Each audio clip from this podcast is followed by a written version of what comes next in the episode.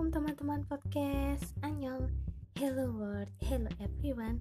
Welcome to my podcastin Wilda.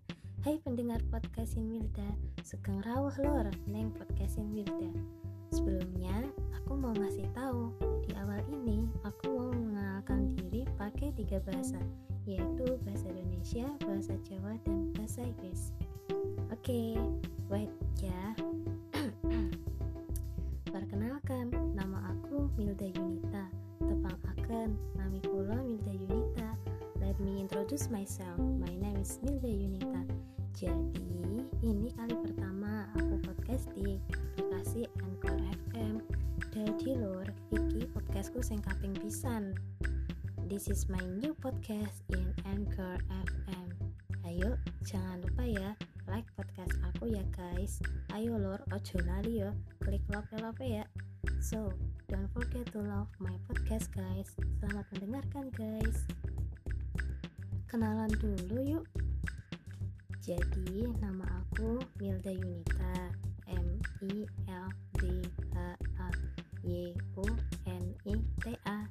Biasanya sih aku dipanggil Mimil Cemil Milda atau Mildai. Aku tuh tinggal di desa di daerah Jawa, guys. Jadi eh, mohon maaf ya kalau aku kadang ngomongnya itu kadang-kadang agak ke Jawa. Buat kalian yang pengen belajar bahasa Jawa, boleh banget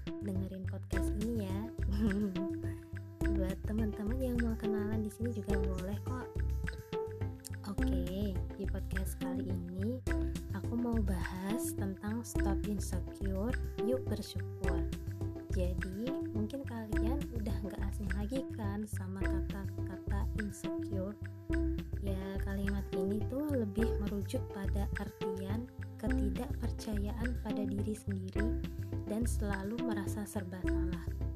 Emang benar sih, hal ini sering banget dirasakan bukan hanya oleh satu atau dua orang saja, bahkan Kebanyakan orang seperti itu.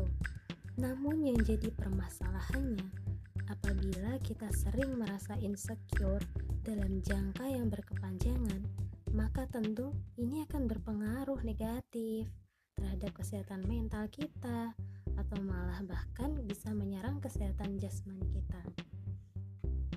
Seringkali kita menemui masalah seperti yang ada pada sosial media ya.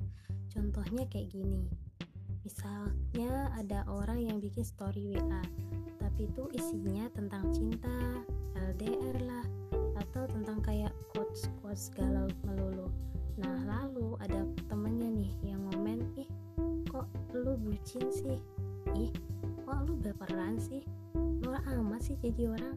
Eh, ngaca dong. Sebagai orang yang nerima kata-kata ini, merasa nggak sih kayak di hatinya tuh apa sih salah aku kalau aku kayak gini. Emang salah ya kalau aku kayak gini. Kayak gitu. Jadi kalau menurut aku lebih baiknya biar kita nggak insecure secara pribadi kita bisa terapin hal-hal seperti ini.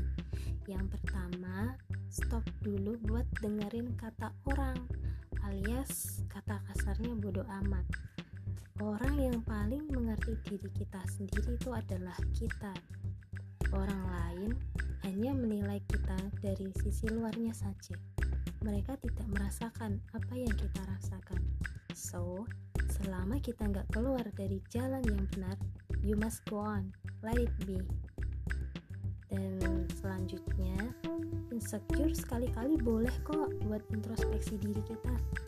Tapi jangan sampai kebablasan ya.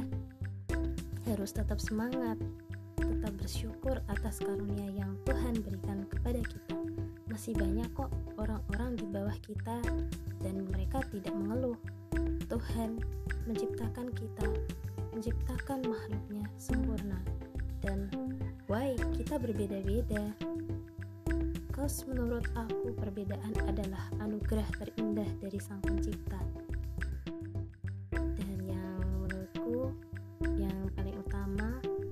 Always be positive ubah mindset kita orang-orang yang berkata pedas pada kita adalah motivator untuk kita selangkah lebih maju. Kita nggak usah balas perkataan orang-orang yang sudah berkata jelek kepada kita, tapi kita cukup buktikan saja omongan mereka lewat keberhasilan yang akan kita raih.